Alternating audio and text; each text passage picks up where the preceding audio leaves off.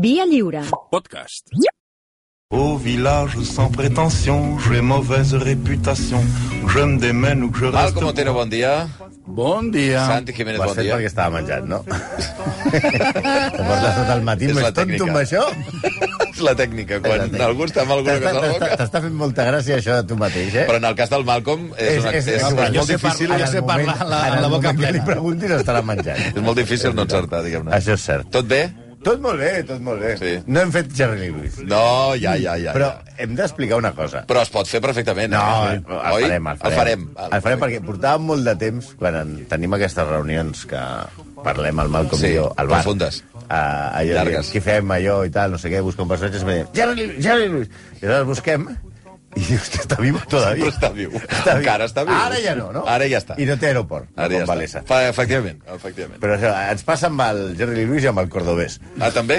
Sí, sí, que tenim ganes. Però, Moment, Jerry Lee Lewis. La setmana que ve o d'aquí uns dies? Bueno, ja bueno, la setmana que ve pensàvem fer Lenin. Lenin. Lenin. Hosti, nens. Perquè tothom diu, no, el Lenin és Stalin, però Lenin era el bo i tal.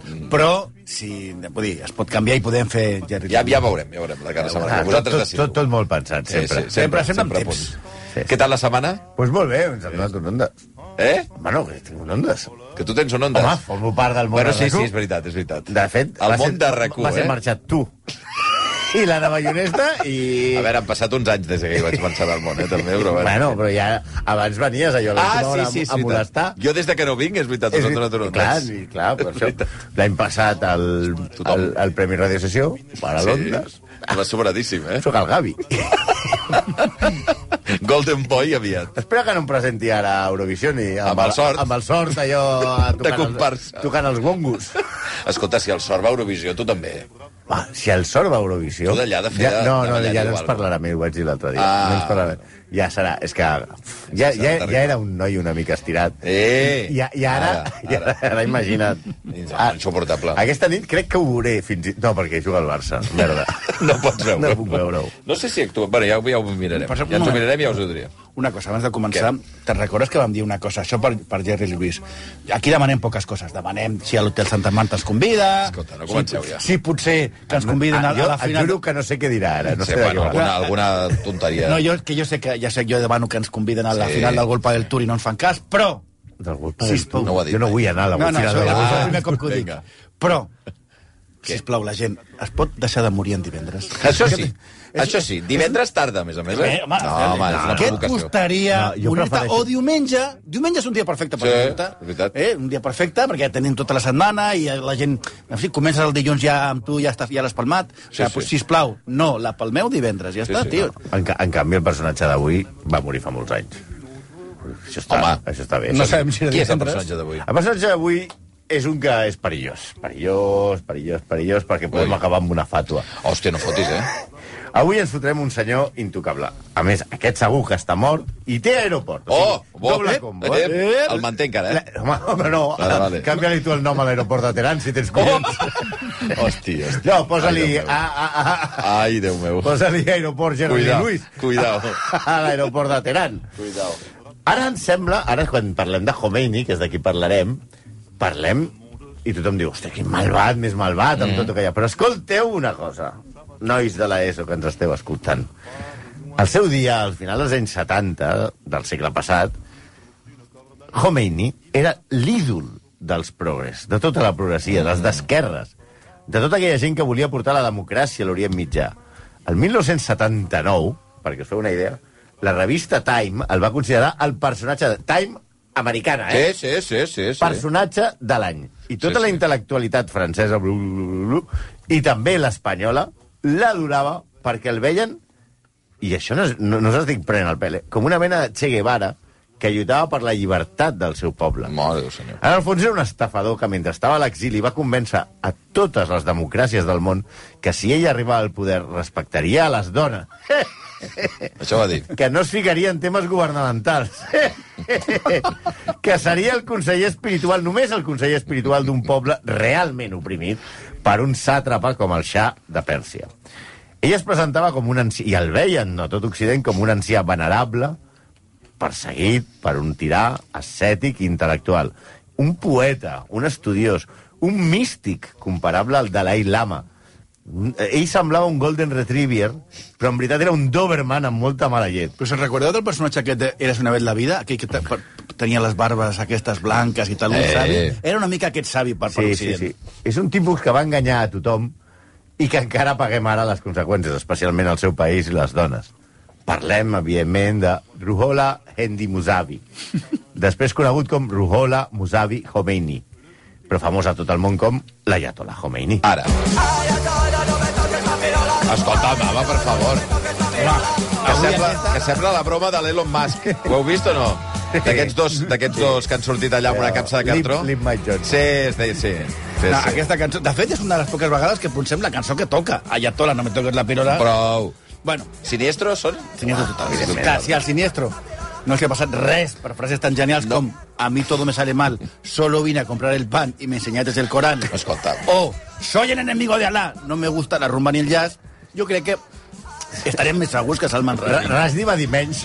Va dir menys, o sigui que jo crec que estarem segurs, eh? Però bueno, anem pel personatge que és fascinant. D'entrada, Khomeini, on va néixer? A Khomeini. Ah, ah. Eh, això, Ubrique. això, clar, perquè això, eh, o sigui, personatges com Paco Martínez Soria no va néixer a No va Soria. néixer a Soria. No, A no va Tarazona. néixer. És un avantatge que té. London no va néixer a London, va No. néixer a San Francisco. Vull dir, aquest com a mínim... Khomeini d'on és? De, De Khomeini, Khomeini. fàcil. Això està molt bé. Com José Luis Barcelona. Ara. el seu avi, el seu germà i el seu tiet van ser ayatolàs. Per tant, això era com, com l'acudit. Com vas arribar a ser ayatolà? Doncs sent net, fill i germà de. Tu saps que quan va néixer Juan Luis Cebrián, Sí. li van dir al, al seu pare, que va- van dir que, que has tenido un redactor jefe. Pues això igual, saps? encanta. Y usted, a los 23 años, ¿cómo llegó a director general? Hombre, mi padre era director general, mi abuelo era director general. Exactamente. I jo he llegado a director general. Pues molt bé. Tot i assegurar... Ell, ell mateix, però amb, amb Ayatollah. Eh, tot i assegurar que la seva família afirmava ser descendent directe de Mahoma, la seva infantesa no va ser fàcil. El seu pare va ser assassinat quan ell era molt petit i poc després, ja quan tenia 7 anys, va morir la seva mare i la seva tieta. El seu pare no està clar qui el va matar. Per una part, hi ha, uns, hi ha un, uns historiadors que diuen que consideren que va ser per una disputa local, allò de que has aparcat malament, no sé què, treu el cotxe d'aquí...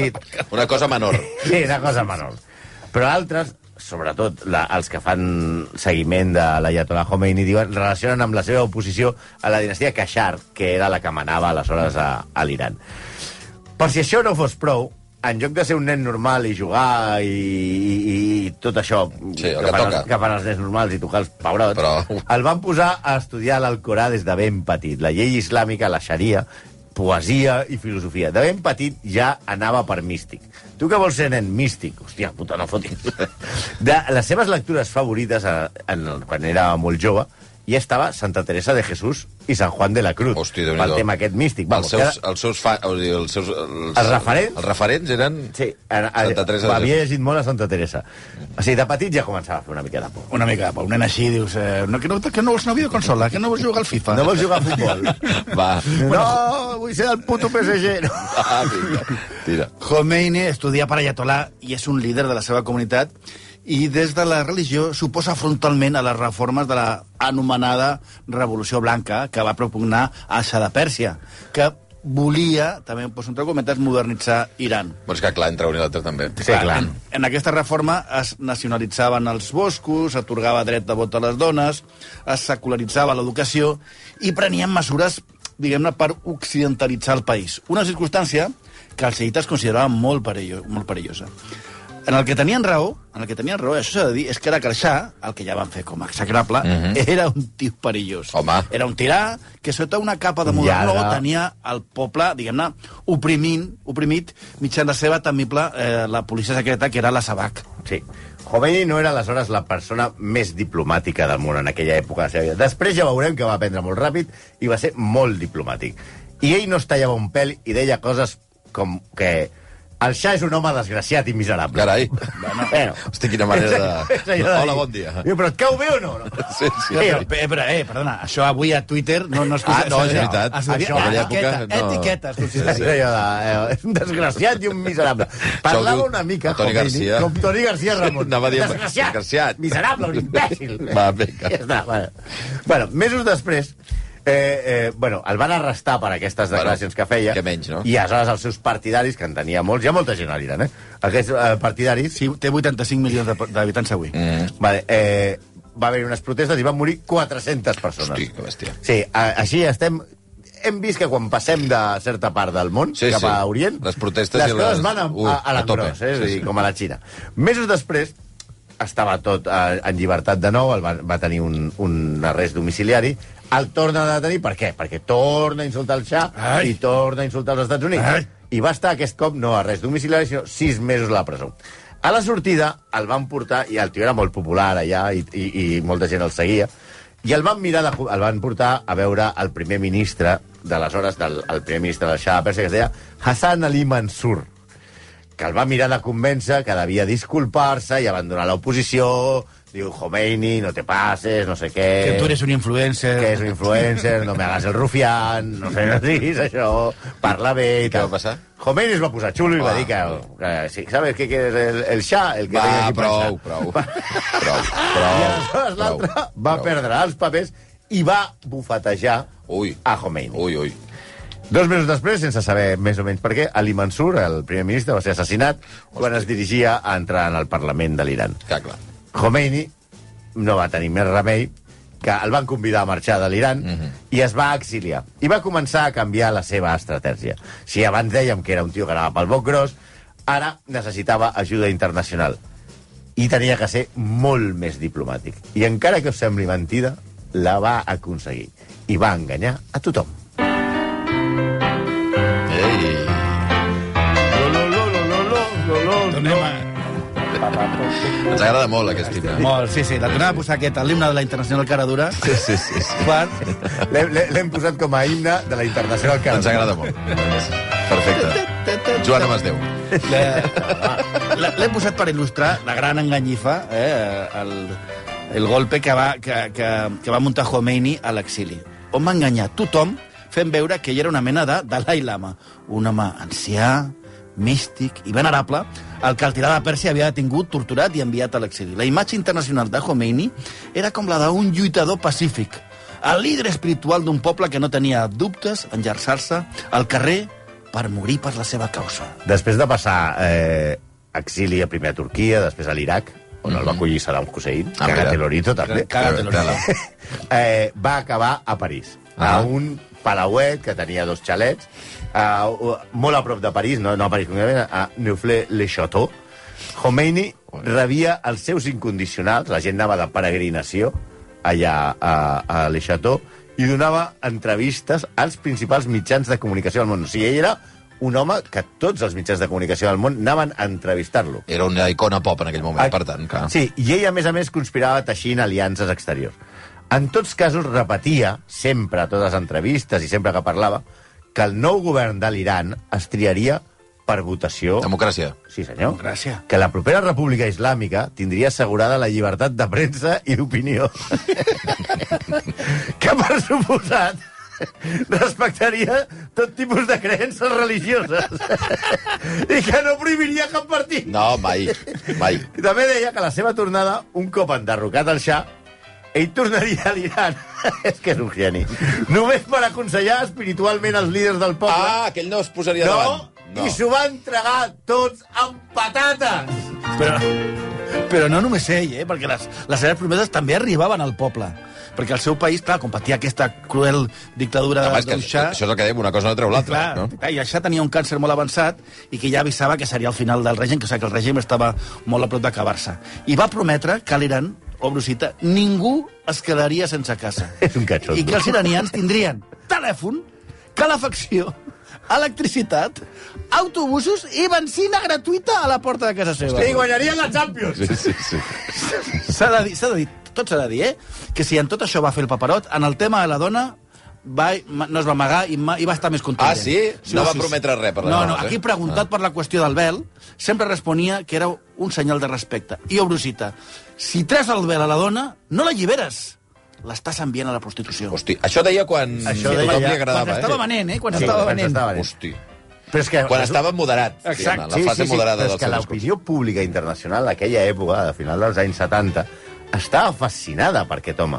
Aquest home els rebia al seu palauet de Eh, París. Peregrinació, eh? Sí, per, i davant els periodistes, mm. però totes les principals cadenes. Aleshores, aquell era un palauet i ell amb un ascetisme absolut, o sigui, que no menjava... El savi, el savi, I, no? I, i tota una sèrie de, de, de, de fidels al costat que esperaven hores al, al, al, al jardí, allò, amb neu fins als turmells, mm. -hmm. només per veure'l quan sortia de, de la seva habitació per dirigir el res, la, la pregària, Ah. cinc cops al... I això, això era com una experiència mística que el, els periodistes occidentals veien com... Ah, fascinant. Fascinant, sí. Mm -hmm. Sí, clar, tothom era benvingut en aquell palauet. Els fidels aguantaven això a la, hores allà, en fred i tot. Eh, I els enviats especials periodistes estaven fascinats per ell. Menys, he llegit bastants reportatges de premsa internacional Sí. sí. sobre sobre que anaven a veure, nos ha recibido la Ayatollah Khomeini, Sí, sí, el hombre, el sabio que quiere liberar Sí. a Irán del tirano. Menys les dones. Les dones periodistes no. ja se'n sumaven alguna cosa... No ho veien que, clar. perquè, clar, quan el deien que l'havien d'entrevistar i havien d'estar de genolls mirant al terra i que no el podien mirar a la cara... Ja, alguna cosa sospites. Ja, Ai. però tothom sí que coincidien, tothom en dir que era un personatge espiritual, Ara. molt espiritual. Ara. Sí, però Pacífic. Però a més d'espiritual, era molt intel·ligent. I havia après de les seves errades. I en la seva tasca diplomàtica van s'arronar a les dues grans potències, enfrescades en la Guerra Freda, per tal que el fessin costat. Sí, Les dues, eh? Les Sí, dues, això, dir, sí, sí, sí, senyors. Khomeini va comptar amb el suport dels Estats Units perquè... El, Sí, això és molt fort, eh? Sí, sí, Khomeini que va, va estar recolzat pels Estats Units. En la desclassificació de papers de la intel·ligència americana a la BBC va descobrir fa, fa poc els contactes de Khomeini amb els Estats Units, que ja daten del 1963. Molt bé. 16 anys abans de la revolució. Khomeini va escriure personalment als dirigents americans per assegurar-se que Washington no posaria en perill el seu pla de retornar a Iran. Sí, clar. És que estem parlant de Khomeini, que Reagan el qualificaria com el fundador de l'eix del mal. És que és fort, eh? Clar. I ell es dirigia al que ell va anomenar després com el gran satan. Mm. Per ell, estat, ell no deia Estats Units, deia grans, Satan. el gran, el, perquè Rússia era el petit satan. O sigui, gran satan era, era una mica com Satanàs cor petit, i era una mica molt de drac, eh? Ell, ell en, en els correus aquests que ha desclassificat ara la CIA que va publicar la BBC no fa Mm. massa, ell deia coses als Estats Units com no tenim cap tipus d'animadversió contra els Estats Units, no! No han de tenir cap por respecte a la venda de petroli. No. Quan jo arribi, els hi vendrem petroli. És fals el rumor que no vendrem petroli als americans. A més, informava que els Estats Units havien d'ajudar-lo per tractar de contrarrestar la influència soviètica i fins i tot britànica a la zona. Òbviament, al mateix temps, amb la URSS estava fent el mateix i els deia que la URSS ha d'aliar-se amb l'Iran amb el combat contra Occident. És boníssim. Perquè, a més a més, la gran oposició al Shah de Pèrsia no eren els imants i els ayatolás xiites, eren els comunistes. A Iran hi havia un partit comunista molt fort. I era el que estava més organitzat i era el que era més perillós pel Shah, que els empresonava i els afusellava constantment. Els comunistes, que sempre han sigut comunistes i tontos, Escolta. es van unir a la... Sí, pobrets. Eh, ho, hem, ho hem sigut tota la vida. Va, va. Ah, es van unir a la causa dels ayatolás. I un cop va triomfar la revolució, què va passar?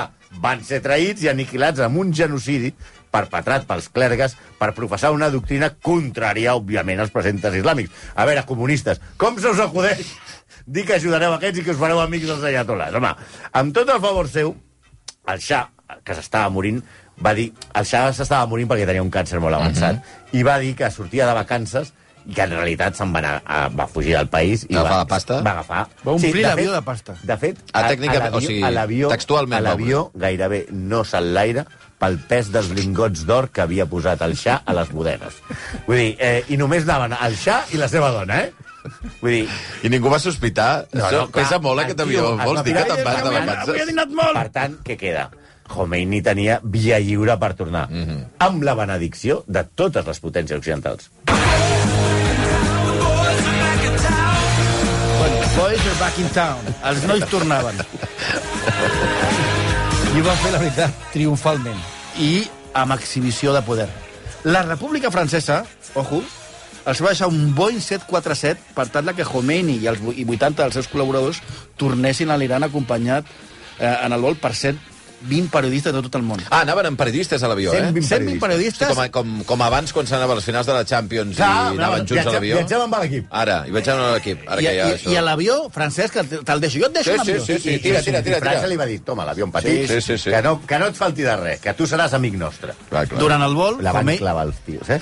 Co- Khomeini es va retirar a descansar al pis superior de l'avió. Ah, perquè té dos pisos, eh? Sí, ara hi ha un bar. Un 747 No sé, d'aquests. faria té allà, como puedas, amb bar a dalt i tot això, Per eh? favor. i va fer la seva primera entrevista des de l'aire. Se li va aconseguir la, la ABC nord-americana Sí, i va ser entrevistat... li diu, la primera entrevista qui li dono? Estats Units. A, a, a, a la mañana de Teherán, No, a, res. a, al Basté... No, No. a l'ABC. ABC, ara. i va ser entrevistat pel periodista estrella de la cadena, que es deia Peter Jennings, que l'acompanyava en, el segui, en el seguici format pel, pel Dream Team de periodistes internacionals. Com a gran periodista, Jennings li va fer preguntes molt intel·ligents. Nens que esteu estudiant periodisme. Va. Una d'elles de va ser- Jennings. Apreneu de Peter Jennings, que va amb un avió amb el tio més famós del món, que va fer una revolució, i què li preguntes? Què se sent al tornar cap a Iran després de, de tants Ah, anys? no sigueu així. Sí. Què, què se sent després, tornar després de tant de temps? Bueno, li va, Peter Jennings. li va faltar preguntar-li Durant 20 anys de la ABC. Li va faltar preguntar si el resultat havia estat just i si el futbol són 11 contra 11 i si hem de suar la samarreta. Va. I si no hi havia arribat el petit. Khomeini, posant-se en la pell de qualsevol futbolista, va respondre Hichi, què vol Hichi? dir? Res. Ah, Una res, rajada de res. manual. No sento res. Hola, No, hola, no, pero bueno. Jennings, Khomeini. ¿Qué se siente? Nada. Va, Vinga, siguiente pregunta. Perquè, clar, la rajada de veritat se la guardava pel públic local. Ah, a clar. casa. La màscara se l'ha de treure al moment d'aterrar, clar. Es calcula que quan va aterrar a Teheran, al seu aeroport, que encara no era el seu, però que es va acabar dient seu, als, als 5 minuts ja estaven canviant el cartell. El van rebre 5 milions de persones que van sentir com el líder se'ls adreçava dient coses com el xa és un butxí que mereix cremar-se, el foc etern de l'infern. Aquest heretge ha humiliat les ensenyances del profeta al corrompre el poble amb la pecaminosa influència de la cultura occidental. Aquí algú es devia començar a mirar dient... Vols dir? Hòstia. Uh, això que Va està passant? Va afegir Khomeini. El primer ministre, el pobre home que va deixar el xà com a encarregat del marrón, Sí. Li va dir, jo vaig a vacances, tu organitza. Mm. Al primer ministre li donaré una puntada de peu a les dents Hosti. i anomenaré jo el nou govern. El que era un- només un assessor, no? Ah, que havia de ser no un... venia- No venia a manar. Sentit això, imaginem que els periodistes internacionals, el Dream Team de periodistes internacionals, amb l'intel·ligent Peter Jennings al cap, es devien mirar i devien dir, van veure tota aquella 5 milions de tios Hòstia, sí, sí. amb Kalashnikovs I aquell allò, cridant i cridant tal. Hòstia, hòstia. i cremant banderes americanes Ai, ai, ai, ai, i Peter ai, ai. Jennings devia trucar a casa i li va dir a la reacció escolta, que si de casa aquí Ja, està. està tot El ja pescau, envi- pescau vendido. ja he enviat el brut i si em podeu, ah, si em podeu tornar a casa quan abans millor, que això, aquí, la Ja- cosa s'està posant una mica xunga. Ja no eh? hi ha res més a explicar. Que Va. el, el iaio no, no, No. És, no és tan dòcil, eh? No, no, no. No, no. i tant que no era tan dòcil. El primer ministre que havia deixat el xà, aquest de la puntada, de la puntada dels dents, eh, Shapur Bakhtar, va haver de fugir a París i dos anys després, a París, va ser assassinat a la, capi- eh, per agents iranians. Vull dir, no podies fugir. Anaves a París, però hi havia uns agents allà que, per si de cas, et pelaven. Es van crear tribunals revolucionaris islàmics controlats per un cos anomenat el Consell de Guardians de la Revolució, Sois molt macos. que tenien carta blanca per fer, per fer el que volguessin. Es van tancar diaris, com no, eh, es va redactar una constitució teocràtica, es van prohibir les begudes alcohòliques. Les begudes No, alcohòliques! però gravíssim. Sí, això sí, això, això, sí, No, això, no. això, això és motiu de Això CC. vosaltres us- Això és motiu de CC. Es van prohibir les pel·lícules occidentals, es van tancar diaris i els antics grups de l'oposició, que havien estat al seu costat com el Front Nacional Democràtic o el Partit Republicà del Poble Musulmà, que eren d'ideologia d'esquerres, van ser abolit. Es va prohibir la- l'emissió de, per ràdio o tele de qualsevol música que no fos militar o religiosa. Benvinguts a la llibertat! Sí, òbviament, com es podia saber, les que més van patir aquest retorn, eh, aquest viatge de retorn al segle XIV, van ser les dones. En una de les seves últimes entrevistes que va concedir a un periodista occidental, Khomeini va explicar, i obro cita, que la submissió de la dona que parla al Corà no vol dir servilitat, però que hi ha terrenys en què l'home concep millor els problemes que les dones. I és millor que la dona no suposi aquest tipus de supremacia. Ja. Doncs oposar-se estaria en contra del seu prestigi, de la seva dignitat i de la seva reputació com a dona. La dona és lliure i té el dret de participar en tots els temes. Però l'islam ha prohibit les coses que ataquin a la seva dignitat i a la seva castedat. Gran ganga, gran ganga, soy de Teherán. Està fet per elles, eh? Vull dir que... No, és per, perquè no s'embrutin amb aquestes No coses. sé com no totes van viatjant massa cap a, cap a, cap a, cap a Teheran.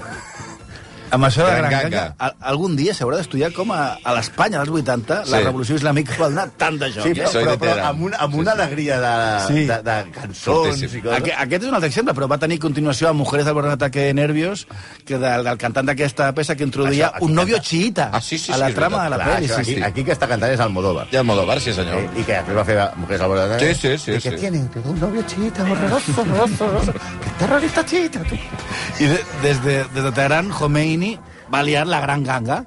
Els seus grans èxits es resumeixen en tres. L'ocupació i segrest de l'ambaixada dels Estats Units, on els estudiants musulmans seguidors de la línia de l'imant, que no és un grup de la movida, Però podria que ser-ho. sembla... Hosti, sí. sí. estudiantes musulmanes seguidores de la línia de l'imant. Estudiantes musulmanes seguidores de la línia de l'imant. Avancem, avancem. Bueno, van, van prendre el control de l'ambaixada americana i van retenir a 52 persones durant 444 dies. eh?